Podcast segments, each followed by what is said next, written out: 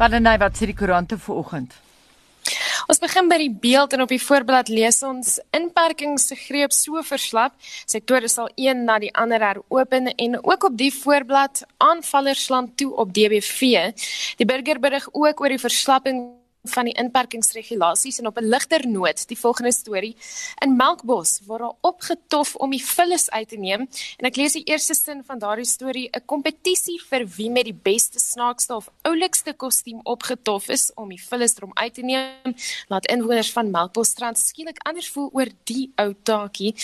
Government urged to take stimulus routes staan daar op business days se voorblad. Nou volgens die koerant word regeringsbeamptes en raadgewers in die presidentskap aangeraai om die regering se volledige balansstaat te benut. Stop the brutality staan daar in groot vet letters op die Sowetanse voorblad en the citizens se hoofopskrif how much longer die koerant berig die president is by magte om die Grendelstaat tot 3 maande lank te verleng. The Star lê met die volgende storie Cyril faces liquor war as owners take him on en dan verskuif ons die aandag na die Mail and Guardian. Die weeklikse koerant plaas vandag die klem op die Suid-Afrikaanse se lugdiens met die hoofopskrif Final Crash for SAA. En dan wat sosiale media betref, praat mense oor die volgende Casper empty the revolution of SA hip hop in boycott on online learning UJ. En dis aan ons nuusoorseig vir vanoggend Anita. Baie dankie Marlenae. Die tydskrif National Geographic berig dat ten minste 5 navorsingsspanne in verskeie lande besig is om sogenaamde korona-drome te ondersoek. Een van hulle bevindinge dat pandemie-drome deur spanning, isolasie en veranderings in slaappatrone veroorsaak word, word verder ondersoek. So daar is hierdie maalkolk van negatiewe emosies wat pandemie-drome anders as gewone drome maak. Die feit dat so baie mense nou hierdie drome ervaar, beteken dat COVID-19 spanning onder mense veroorsaak. Ons wil ver oggend by jou weet. Ervaar jy in hierdie tyd vreemde drome en waaroor gaan hulle? Vertel vir ons. Laat weet ons per SMS by 45889. Onthou elke SMS kos R1.50. Jy kan uh, gaan na facebook.com vorentoe skynstreep ZRSG of stuur vir ons 'n stemnota na die nommer is 076 536 6961 ek herhaal daardie nommer 0765366961 en die uh, stemnotas moenie langer as 30 sekondes wees nie. Die minister van Samewerkende Regering en Tradisionele Sake, Dr Nkosazana Dlamini Zuma, sê terwyl sommige beperkings geleidelik opgehef sal word, is daar ander wat lank na die einde van die Grendelstaat nog van krag sal bly. Dlamini Zuma het by 'n media konferensie in Pretoria gepraat waar sy die verlenging en wysiging van Grendelstaat regulasies aangekondig het. Dlamini Zuma sê hoewel die Grendelstaat met 2 weke verleng is, is dit onseker hoe lank dit gaan duur. Die nuwe wysigings sal sommige besighede toelaat om weer sake te doen. Vakmanne soos loodgieters en elektriesiens sal weer kan werk. Winkels wat hardeware verkoop, voertuigherstel en kleinhandel inbelsentrums is van die besighede wat nou weer bedryf kan word. Korttermynversekering sal nou ook weer verkoop kan word. Lamini Zuma sê in die komende weke sal daar nog veranderinge wees. Expect that almost every week new things will be coming, new conditions, new areas will be coming on stream. But some will remain in place for a very long time. Die mynboubedryf sal stadig ook weer aan die gang kom. Lamini Zuma sê hoewel steenkoolmyne oopgebly het, lyk dit of sommige myne deurlopend aktief moet wees om onomkeerbare skade te voorkom. The refineries have now got to ramp up and work at full capacity to make sure that we don't run out of fuel and smelters and furnaces and the minister is here he will explain. But also we are told that if you leave a mine for a long time an active mine but without activity in it it poses a danger of rock falls and all those things. It increases the chances of seismic activities. Lamini Zuma het weer eens onderstreep dat die verbod op drank onveranderd bly. In the amendments we are stressing the issue of the prohibition of transportation of liquor. The only alcohol that is allowed to be transported is the one that is used for commercial purposes for our sanitizers and the related issues. But liquor that we drink is not allowed to be exported in the same way that it's not allowed to be sold. Die weermag sê intussen hulle is spyt oor die dood van 'n man in Alexandra op Goeie Vrydag na bewering aan die hand van weermagpersoneel. Die minister van verdediging, Nosiviwe Mapisa Nakula, sê ondersoek is van stapel gestuur. We are therefore unable to comment at this point about what the next course of action is going to be, but just to say to South Africans, we are saddened by what happened. We regret that which happened.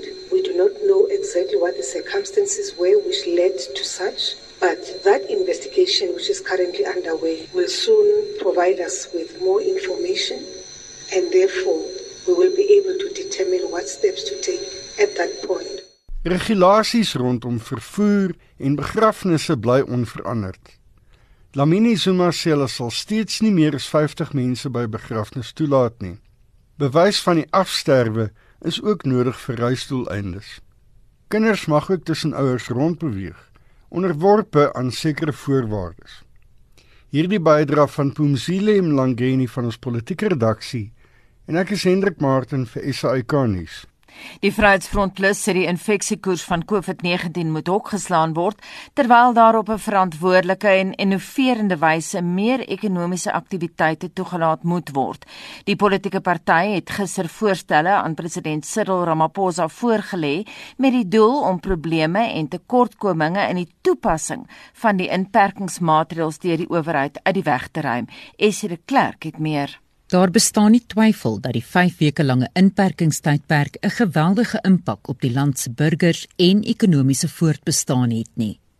Die Vryheidsfront Plus meen daar is 'n paar goed wat die regering verkeerd doen, sê die leier van die party, Pieter Groenewald. Ons vind geweldige verwarring wat bestaan tussen die verskillende ministeries en die interpretasie van wat die regulasies bepaal. Dis 'n geweldige fout wat die regering maak want in enige krisissituasie is duidelike kommunikasie van uiterste belang. Die Vryheidsfront Plus het verskeie voorstelle aan president Ramaphosa en die nasionale COVID-19 taakspan voorgelê, sê Groenewald.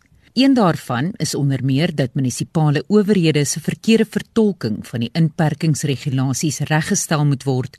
Plaaslike regering is een deel wat totaal verkeerde interpretasies van die regulasies uitvoer. Die regulasie bepaal byvoorbeeld dat munisipaliteite nou 'n permit moet uitvaardig en bekragtig van enige spaarsa winkels in veral informele nedersettings hulle interpreteer dat hulle nou selfs die mag het om te bepaal watter ure handel gedryf mag word. Hulle gee van hierdie permitte vir stadsraadslede en van die raadslede vra nou geld alvorens hulle 'n permit vir so 'n persoon gee. Groenewald sê hulle is ook gekontak deur gewone landsburgers wat deur die polisie om permitte gevra is wat glad nie in Suid-Afrika van toepassing is nie. Daar is 'n permit wat vals is wat internasionaal gebruik is wat uitgereik word vir mense as hulle wil rondbeweeg. Die polisie gebruik daardie vorm in sekere gevalle en vereis dit. En as jy dit nie het nie, dan wil hulle jou beboet en selfs arresteer. Die Vryheidsfront Plus meen dit dien geen doel dat daar vir landsburgers gesê word hulle kan eise by die werkloosheidsversekeringsfonds indien, maar daar is so 'n groot agterstand by die fonds dat die eise nie onmiddellik verwerk kan word nie. Daar is daar duisende mense wat aansoek doen by die spesiale fondse wat beskikbaar gestel word deur die werkloosheidsversekeringsfonds.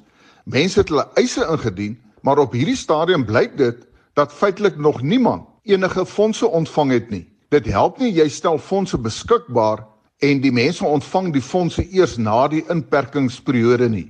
Daar is mense wat byvoorbeeld weekliks altyd hulle salarisse ontvang het. Daar is selfs dagloonwerkers wat gewoond was om elke dag 'n bepaalde hoeveelheid geld te ontvang.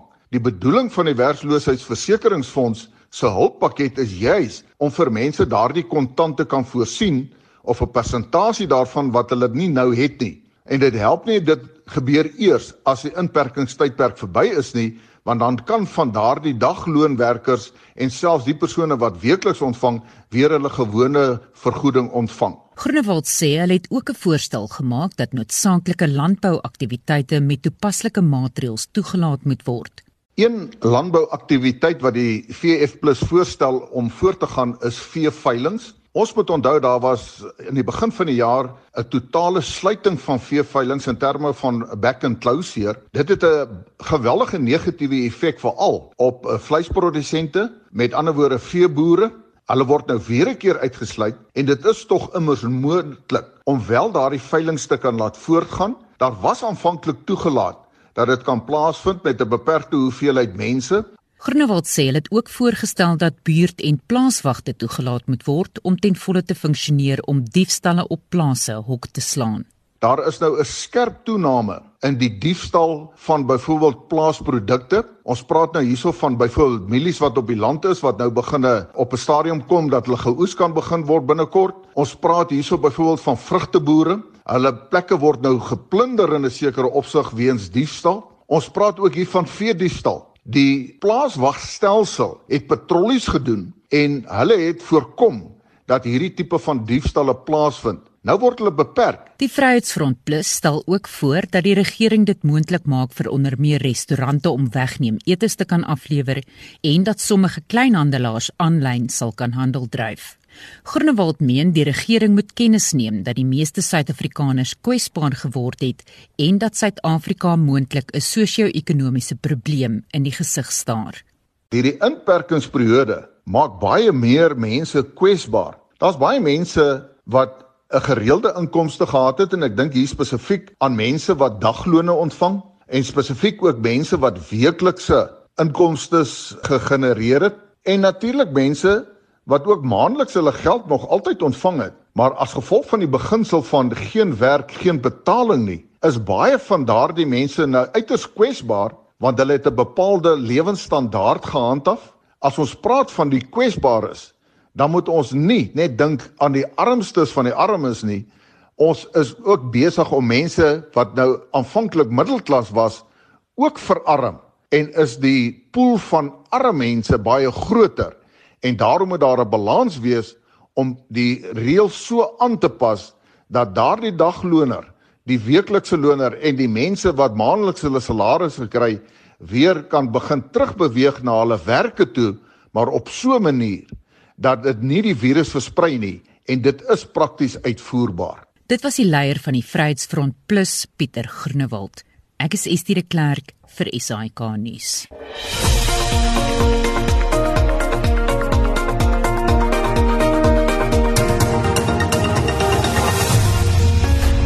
Vincent, ek moet sê ek's baie nuuskierig oor watse soort drome mense tans het. Wat sê die terugvoer? Aneta, ja, daar is baie spanning, um, maar kom ons hoor eers wat sê ons mense deur hulle stemnotas Aneta. Ja, goeiemôre, is ge. Ja, my droom is om laat hulle nie fit uh, bicycle shops oopmaak vir ons vir tyres want nou kan ons nie by die werk kom en alles nie. En ja, my kinders en my vrou is nie nou by my by die huis nie. Hulle is nou in Nigel, ja. So my droom is laat my kinders by my kon gewees het. En ek mis hulle. Ek het geleer met uh, stresvolle drome wat voorheen se baie stres. As jy gaan slaap, sit sommer al jou kommer en sorges en al jy baie dinke in 'n boksie op jou kas. Klim in die bed, dink jy toe lekker lê, raak aan die slaap. So, môreoggend kan jy dit weer uithaal, jy kan verder dink, verder worry. En nee wat, Berre maar daai bekommernis in 'n boksie op die kas. Dis Anne Marie van van der Belt Park. Ja, ek het net gisterond 'n droom gehad oor hierdie COVID-19 virus. Ek bly in van der Belt, my man werk in Sekunda. En ehm um, ja, so ek het gedroom hy of as mense inspuiting kry dan ehm um, sit dit hierdie hele COVID-19 ehm um, proses in trierad. So dit gaan maar moeilik. En Anita Karen Vosloo sê ook ek slaap sleg en wanneer ek wel droom, is dit is dit meeste van die tyd oor geliefdes wat nie meer met ons is nie. In die drome kuier ons saam as ons mekaar net gister laas gesien het. Ek word ook snags wakker met 'n kussing nat gehuil, dan kan ek nie onthou waar waaroor ek gedroom het nie. Hierdie lockdown smok regtig met baie van ons se koppe, sê Karen. Dan Josie de Lange sê ag nee, ek slaap soos 'n baba wat goed gevoed is en geen winde. Die virus plan my glad nie want ek streek my ek steek my voete nie verder as my erf uit nie so ook die mense vir wie ek omgee en lief is net die wat oortree behoort nagmerries te kry. En dan is die laaste een van Sandra Swart wat sê ek kry beslis 'n nagmerrie daarvan En ekskuus Anita Rex Bester sê ja, ek droom gereeld die inperking is net 'n droom. So hoop ons almal ook dit was net 'n droom gewees. En ons praat vanoggend oor drome. Ehm um, dit lyk my um, die feit dat so baie mense vreemde drome ervaar beteken die COVID-19 epidemie veroorsaak groot spanning onder die mense. En nou ons wil by ons mense weet, ervaar jy hierdie tyd snaakse drome en waaroor gaan hulle drome? En hulle kan 'n SMS stuur na 4588910 R50 per SMS om ons hulle stories te vertel of gesels saam op Facebook facebook.com vorentoe skynstreep ZARSG en sodat jy kan hoor daar is lekker stemnotas en hulle stuur dit na 076 536 6961. Onthou hou jou stemnotas net 30 sekondes asseblief. En waarna jy ook kan luister is 'n insetsel deur Essie de Klerk net voor 7 vanoggend wat meer vertel oor hierdie sogenaamde corona drome. 6:38 jy luister na Monitor, ons gaan na die sportveld. Hier is Shaun Jooste. In rugby nuus, Wêreld Rugby te verligtingfonds van 100 miljoen dollar bekend gemaak om Unis finansiëel by te staan terwyl die rugby wêreld stil staan. Die ses nasies Unis, Engeland, Skotland, Wales, Ierland, Frankryk en Italië en die Sansar Unis, Suid-Afrika, Australië, Nieu-Seeland en Argentinië sal deur middel van voorskotte en lenings gehelp word.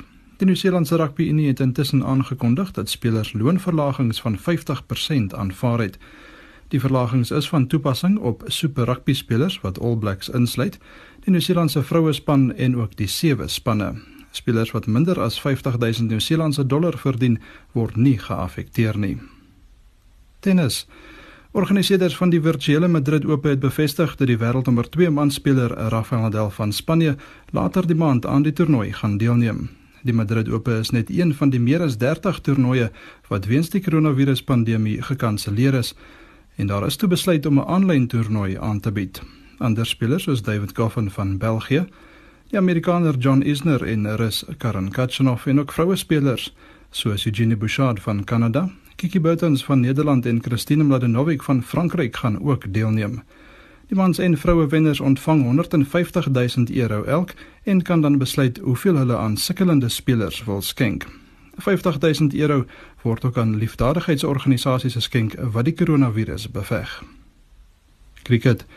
Die internasionale kriketraad se tegniese komitee het aangekondig dat punte vir die vroue kampioenskapsreekse wat nie tydens die kompetisieperiode gespeel of voltooi kon word nie tussen die betrokke spanne verdeel sal word. Die reekse was tussen Suid-Afrika en Australië, Indië en Pakistan en ook Sri Lanka en Nieu-Seeland. Dit beteken ook dat Suid-Afrika, Australië, Engeland en Indië vir volgende jaar se eendag wêreldbeker toernooi in Nieu-Seeland kwalifiseer. Nieu-Seeland bied die toernooi aan en kwalifiseer outomaties. Die Indiese Kriketraad het ook aangekondig dat die IPL toernooi tot verdere kennisgewing uitgestel is. Die toernooi sal later die jaar plaasvind wanneer dit veilig is vir spelers en ook vir moontlike toeskouers. Volgens berigte beoog organiseerders om die toernooi in September en Oktober net voor die T20 Wêreldbeker in Australië te hou. En laastens in maratonies Suid-Afrika se Gerda Steyn het bevestig dat sy haar twee oseane maraton in 2021 gaan verdedig. Steyn is 'n tweemalige wenner van die ultramaraton en beoog om 'n driekens van oorwinnings te behaal. Sy was gereed vir die 2020 weergawe wat ongelukkig deur die koronavirus uitgestel is. Shaun Schuster, SAK Sport. Gisteroggend net voor 8 het ons 'n onderhoud gevoer met Herman Pretorius van die Instituut vir Rasseverhoudinge oor 'n alternatiewe plan wat hulle aan die regering wil voorlê om weg te doen met inperking. Baie luisteraars het die onderhoud misgeloop en ons speel dit nou weer in ook vir kommentaar daarop. Ons het van die begin af gesê by die ER dat hierdie situasie moet gaan nie net daaroor om lewens te red nie, maar om lewensbestaanswyse ook te red. Mens moet 'n balans vind tussen hierdie twee kwessies. En die binariteit van die debat tot dusver is vir ons 'n groot frustrasie om te dink dat jy is of volledig ten gunste van die inperking of jy is ten gunste van 'n laissez-faire kapitalisme waar jy net nie omgee oor die gesondheid van groepe mense nie. So hierdie aanslag wat ons dus vandag aan die regering voorstel is basies 'n goue middeweg waar ons kan seker maak dat die ekonomie in 'n toestand van herstel kan ingaan dat vir al klein en medium grootte sake ondernemings weer 'n bietjie hulle piston aan die vuur kan kry om seker te maak dat lewens gered word maar ook lewens bestaan. So ons probeer die risiko hier balanseer en seker maak dat ons is nie besig om korttermynwinste of langtermynwinste teen mekaar op te weeg nie Herman, ek verstaan nou die konsep, maar wat behels julle goue middeweg op 'n praktiese vlak? Wat wil julle hê? Ons wil bitter graag hê die regering moet afwyk van hierdie essensiële non-essensiële uh, diferensiasie wat hulle maak. Dit is onproduktief, dit is destruktief en as mens luister na monitor in die oggende hoor mense gereeld by van julle luisteraars dat dis arbitrêr, dis nie sinvol nie en ons by die ERR praat self met hierdie mense wat deel is van vervaardigingsketTINGS. En wat baie keer gebeur is dat een skakel in die ketting essensieel mag funksioneer maar 'n ander skakel nie. Dit ondermyn dan die hele ketting. So wat ons sê is, doen weg met daai diferensiasie en stel eerder 'n COVID-19 risikoskaal in. Dit bestaan uit twee gedeeltes. Een, die staat kategoriseer industrie volgens risikokategorieë. Ons stel 6 voor ses natuurlik jou swakste jy het hierdie besighede kan op 100% funksioneer jou tipies jou alleenloper loodgieter maar dan gaan ons al die pad op tot by nommer 1 wat hoë skaalse risiko is jou konsertgeboue jou uh, sportstadions en dan sê ons die industrie moet gekategoriseer word volgens hierdie ses Hierdie kategorisering skep dan 'n basislyn. As jy byvoorbeeld in die eerste die mees riskante industrie val, kan jy as 'n basislyn op 30% kapasiteit funksioneer. Net dat daar weer een of ander inspuiting van aktiwiteit in die ekonomie is. Dit gaan dan op hierdie ses kategorieë tot by 100% by jou minste risikogebonde industrie. Die tweede gedeelte is om seker te maak dat besighede en veral jou medium en klein saakondernemings hierdie basislyn kan gebruik as 'n vertrekpunt. As jy 'n restaurant het en jy kan net by X aantal kapasiteit funksioneer onder hierdie risikokategorisering, dan kan jy deur veiligheidsmaatreëls te tref in jou restaurant, deur sanitasiemiddels veilig beskikbaar te maak, deur 'n uh, tydskedule in te stel vir meer risiko of meer kwesbare kliënte. So kan jy jou risikotelling as dit ware verbeter sodat jy die basislyn van operasionele kapasiteit kan stelselmatig opbou sodat jy weer aan jou voete kan kom sodat jy jou werknemers weer kan betaal en dat jy die staat jou tegemoet kom om te sê as jy op X% kan funksioneer kan ons jou kwytskeld van die minimumloon sodat jy jou personeel ook X% van wat hulle sou kry betaal. Op so 'n manier bewaar ons werke en bewaar ons broodnodige strome van inkomste. Wat van staatsbeheerde ondernemings? Weet jy ons noem hierdie aanslag 'n trim down eerder as 'n lockdown. Nou die trim down gedeelte is die punt dat die vet moet 'n bietjie gesny word en die staat het daar 'n enorme rol om te speel. Daar kan hulle trim down as dit ware op hierdie tipe staatsinstellings se begrotings. Ons is baie baie bly oor minister Gordhan se weiering van 10 miljard rand aan SAA. Dis 'n goeie begin deur daai uitgawes te snoei kan die hartklop van die ekonomie, jou klein en medium saakondernemings, regtig inspuiting gegee word om weer op hulle voete te kom. Die land het dit brood nodig. En so sê Herman Pretorius hoof van beleid by die Instituut vir Rasseverhoudinge in Johannesburg. En ons bly by die storie en vir sy kommentaar op die Instituut vir Rasseverhoudinge se voorstelle aan die regering, praat ons nou met professor Antoni van Nieuwkerk van Wits Universiteit se skool vir regeringskunde. Goeiemôre Antoni. Goeiemôre Anita. Antoni, jy het nou geluister na alles wat uh, Herman gister vir ons gesê het. Wat is jou reaksie daarop? Hmm. Weet jy net ek uh, ek moet begin deur te sê dat uh, party mense droom uh, oor wat aan die gang is met die met die virus, maar vir baie mense het dit 'n nagmerrie geword. En as ons nie oplossings in die samelewing kry nie, dan gaan dit in 'n tragedie ontaard. En uh uh so enige iemand wat kom met uh, konstruktiewe voorstelle hoe ons uh, die situasie kan verbeter, uh is welkom. Is te verwelkom. Ek dink is 'n goeie idee en ek begin dink dat uh, baie instellings, nie regeringsorganisasies ehm uh, universiteite uh en kenners is besig om om te werk aan planne wat hulle aan die regering wil uh voorstel hoe om die situasie te verbeter. Ehm um, maar ongelukkig Anita uh het ons 'n groot probleem want die regering sukkel om die regte besluite te neem. Ek dink vir vir baie van ons is dit 'n groot bron van kommer uh, om te hoor dat die kabinetsvergadering van Woensdag nie daartoe in staat was om belangrike besluite te neem oor wat moet gebeur na die staat van inperking aan die einde van die maand uh, as ons daai punt bereik nie. En dit sê vir my 'n paar goeters. Die eerste een is dat ehm um, die regering werk met onvolledige stelle van inligting. Hmm. In ander woorde, daar's nie genoeg data om regtig waar ferm besluite te neem nie. En aan die ander kant is daar 'n kompetisie vir idees hoe om die probleem op te los. En nou Herman en uh, en sy instituut en uh, ek sien baie politieke partye begin nou ook om beleidsvoorstelle te formuleer en aan te bied dit verdiep die probleem ongelukkig want daar is nie 'n uh, uh, in in op die hoogste vlakke van besluitneming 'n uh, 'n uh, 'n filosofiese of 'n of 'n ideologiese uh, saamloop van gedagtes oor hoe om die ekonomie aan te spreek nie. Uh, ek moet vinnig bysê dat ek dink die grootste probleem as jy 'n kabinetsminister is of jy dien op die nasionale bevelsraad of jy die oor van die president is hoe om sin te maak van die van die broodnodige staat van inperking om te voorkom dat hierdie virus soos 'n epidemie verder gaan versprei. Salim Karim praat juis van 'n vertraagde eksponensiële groei van die virus. Mm. Daar lê nog weke en maande voor as jy kyk internasionaal wat elders gebeur het. Dat as jy nie 'n vorm van isolasie uh afdwing nie, dan gaan dan loop ons in hierdie probleem van honderde duisende mense wat dalk ehm um, wat dan gaan doodgaan en wat die gesondheidsorgstelsel totaal sal oorweldig. Party mense deel van hierdie nagmerrie eerder as 'n droom is die die instruksie nou om massagrafte te begin voor te berei.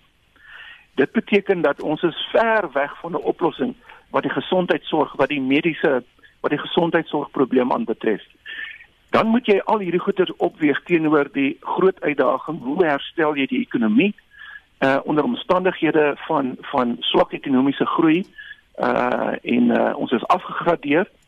En een van die opsies ek dink die rede hoekom die kabinet nie eintlik tot 'n besluit kon kom nie is die realiteit dat baie mense sê ek sê en Herman sê en ek dink almal sê ons moet sorg vir die mense in die samelewing wat die meeste het om te verloor maar die regering kan nie geld leen of kan nie eintlik regtig waar die begroting aanwend om uh, soos party mense sê geld uit 'n helikopter te laat neerdal sodat mense ten minste net 'n soort van 'n kontant in die hand het nie. Wat moet gedoen word om die ekonomie te herstel? Nou ja, as hierdie twee strome, probleemstrome aan mekaar sit, dan is die geweldige uitdaging hoe om 'n regte besluit te neem. So Herman se voorstelle speel in in hierdie proses. Ek dink is 'n goeie een en baie baie politieke partye doen dieselfde ding, uh, instituie en akademici, maar ehm um, Ek dink die punt wat ek probeer maak is dat die die besluitnemers, die regering op die hoogste vlak het nie die regte platform of masjinerie om die regte besluite nou te neem uh en te implementeer nie. En dan nie dat daaroor kan 'n mens miskien ook nog verder gesels selfs al kom ons nou tot die regte besluite. Dan moet jy jouself afvra of die staatsdiens oor die algemeen die vermoë het om te implementeer waarvan ons praat. Ek het geluister na die skaal waarvan Herman praat en die manier waarop 'n restaurant byvoorbeeld kan beding met die staat mm. uh om om beter punte te kry om jy weet en so aan.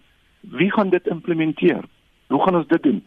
Uh die groot uitdaging nou hierdie week en in die weke wat kom is vir die regering om 'n span mense los te laat in die meer digbevolkte dele van ons samelewing metro's uh, uh informele nedersettings lokasies om met grootskaalse toetsing te begin want dit is hoe ons die data insameling kan verbeter sodat ons beter kan verstaan hoe om die epidemie te bestuur. Hmm. Nou ja, ons lees van die van die verslae wat aangebied word en uh, gerapporteer word oor dele van hierdie ehm um, staatsdiens ingryping met ander woorde die sekuriteitssektor moet wat met werk ter ondersteuning van die sosiale benadering.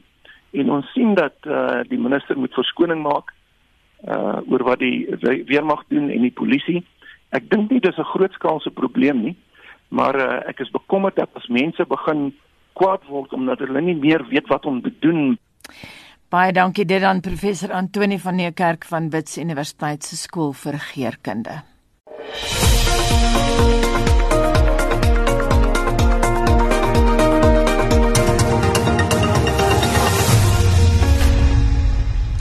Het jy dalk gedurende die laaste 3 weke of die afgelope 3 weke liewer terwyl jy in afsondering was, vreemde drome gedroom? Moenie bekommerd wees daaroor nie, dis jou onderbewuste of jou onderbewussyn se manier om uiting te gee aan 'n ietwat abnormale situasie waarin jy jouself tans bevind. Esie de Klerk het meer gaan uitvind. Bizarre drome wat oorlaai is met simboliek is ons onderbewuste se manier om aan ons die geleentheid te gee om op 'n veilige manier intense herinneringe of daaglikse psigologiese stresvolle situasies te kan hanteer. Nagmerries daarenteen kan waarskuwingstekens van angs wees waarop ons nie in ons daaglikse bestaan bewus is nie. Met honderde miljoene mense wat noodgedwonge in afsondering is tydens die koronaviruspandemie, glo droomkundiges dat die onttrekking van ons gewone omgewings en die take wat ons daagliks verrig, die onderbewuste kan aanspoor om inspirasie te gaan soek in ons verlede. Traumasielkundige Immanuel Davel sê gewone rustige slaappatrone gaan gewoonlik gepaard met wat die REM slaapfase genoem word. Daar is algemeen twee slaapsiklusse, naamlik REM REM rapid eye movement en NREM non-rapid eye movement slaap. Die twee slaapritmes is 90 minute siklusse van stygende en dalende toestande van kortikale opwekking in die brein gedurende die loop van die aand. Ongeveer elke 90 minute reg deur die aand sal 'n persoon wat slaap in 'n REM slaapfase ingaan. Die doel van REM is eerstens vir geheuekonsolidasie en die intrapsigiese funksie van droom. 'n Voorbeeld hiervan kan wees: emosies van 'n spesifieke dag kan byvoorbeeld oorgedra word en 'n invloed hê op wat ons droom en hoe ons voel daaroor in die droom gedurende die REM slaap siklusfase. Maar sê Davel, In ongewone situasies soos die afsonderingstydperk waarin mense die wêreld oral self nou bevind, is daar ander stresfaktore ter sprake. Die pandemie veroorsaak abnormale omstandighede waarin die helfte van die wêreld se populasie met dieselfde krisis vroeg. Nie byvoorbeeld sedert die Tweede Wêreldoorlog het die hele wêreldsamelewing met 'n algemene krisis soos hierdie pandemie moes saamleef nie. Dus is dit abnormale omstandighede waarvoor ons geen verwysingsraamwerk het nie en dus lei dit tot stres en angs wat slaappatrone sal versteur. Ons onderbewussyn reageer dus op 'n manier om te probeer om ons te beskerm. Ons drome gee vir ons op 'n intrapsigiese vlak die kans om emosies te verwerk. Byvoorbeeld, as ons 'n gevoel van gemoedsrus het, lei dit tot positiewe drome waar die dromer goed voel oor wat in die droom gebeur. As ons angstig is in kontras lei dit tot negatiewe droomemosies en moontlik vreesaanjaende en ontstellende drome. Daarvoor sê egter 'n mens moet agslaan daarop as jy nagmerries kry omdat dit 'n teken kan wees van onderliggende angs. Navorsing in Italië het getoon dat drome waarin mense trauma of nagmerries verwerk, twee patrone volg. Dit maak of direkte verwysing na die traumatiese gebeurtenis of bron van hulle angs, in die geval die virus.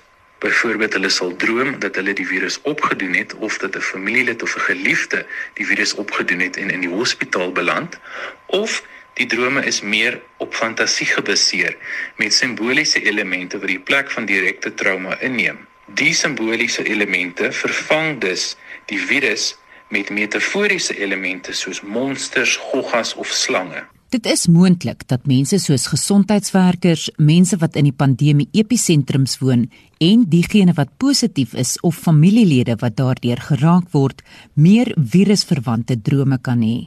Mense wat nader aan COVID-19 moet werk, soos gesondheidswerkers, polisie en so meer, kan sulke drome meer ervaar omdat die ervaring meer direk is en hulle meer vivid of aanskoulike drome het. Soos in die geval met enige PTSD nagmerrie of terugflits, waar die inhoud van die droom wat hulle aanskou of selfs hoor 'n ware ervaring verteenwoordig. Byvoorbeeld dit wat hulle by die werk gesien het. Die onderliggende faktor is vrees en angs. Baie vrees dat hulle die virus sal opdoen, maar ook dat hulle ander met die virus sal aansteek, soos geliefdes by die huis. Dit is belangrik om veral nou goeie slaaphigiëne te volg voordat jy gaan slaap, sê Davel. Abnormale tye soos die kan ook veroorsaak dat ons normale roetines verander. As jy weet jy hoef nie 6 uur op te staan vir werk, gaan jy baie makliker heelwat later gaan slaap saans en eers laat in die oggend opstaan. Dit is dus belangrik om tog 'n goeie vorm van roetine en normaliteit in abnormale tye te probeer handhaaf. So probeer om goeie slaaphigiëne toe te pas, soos om nie 'n uur voor slaaptyd TV te kyk of om op selfone te wees nie. Die blou lig wat deur selfone, tablette, TV's en rekenaarskerms afgegee word, verminder die produksie van melatonien, die hormoon wat jou slaapwakker siklus beheer. Swak slaap kan lei tot 'n negatiewe effek op fisiese en geestesgesondheid. Byvoorbeeld veranderinge in gemoed, soos om meer emosioneel te wees, geïrriteerd te wees, verhoogde eetlus en dan ook om meer angstig en paniekerig te wees. Dit was die traumasielkundige Immanuel Davel. Ek is Estie de Klerk vir SAK nuus. Kan 'n pasiënt presenteer met beroerte waarvan die onderliggende oorsaak COVID-19 is? Dis een van die vrae wat ek na 7 gaan stel aan 'n ou bekende hier op monitor Dr. Kloete van Vierenhuis, infeksie siekte spesialis by 3 Mil Hospitaal in Bloemfontein. Bly ingeskakel vir daai onderhoud. Dis nou 7 uur.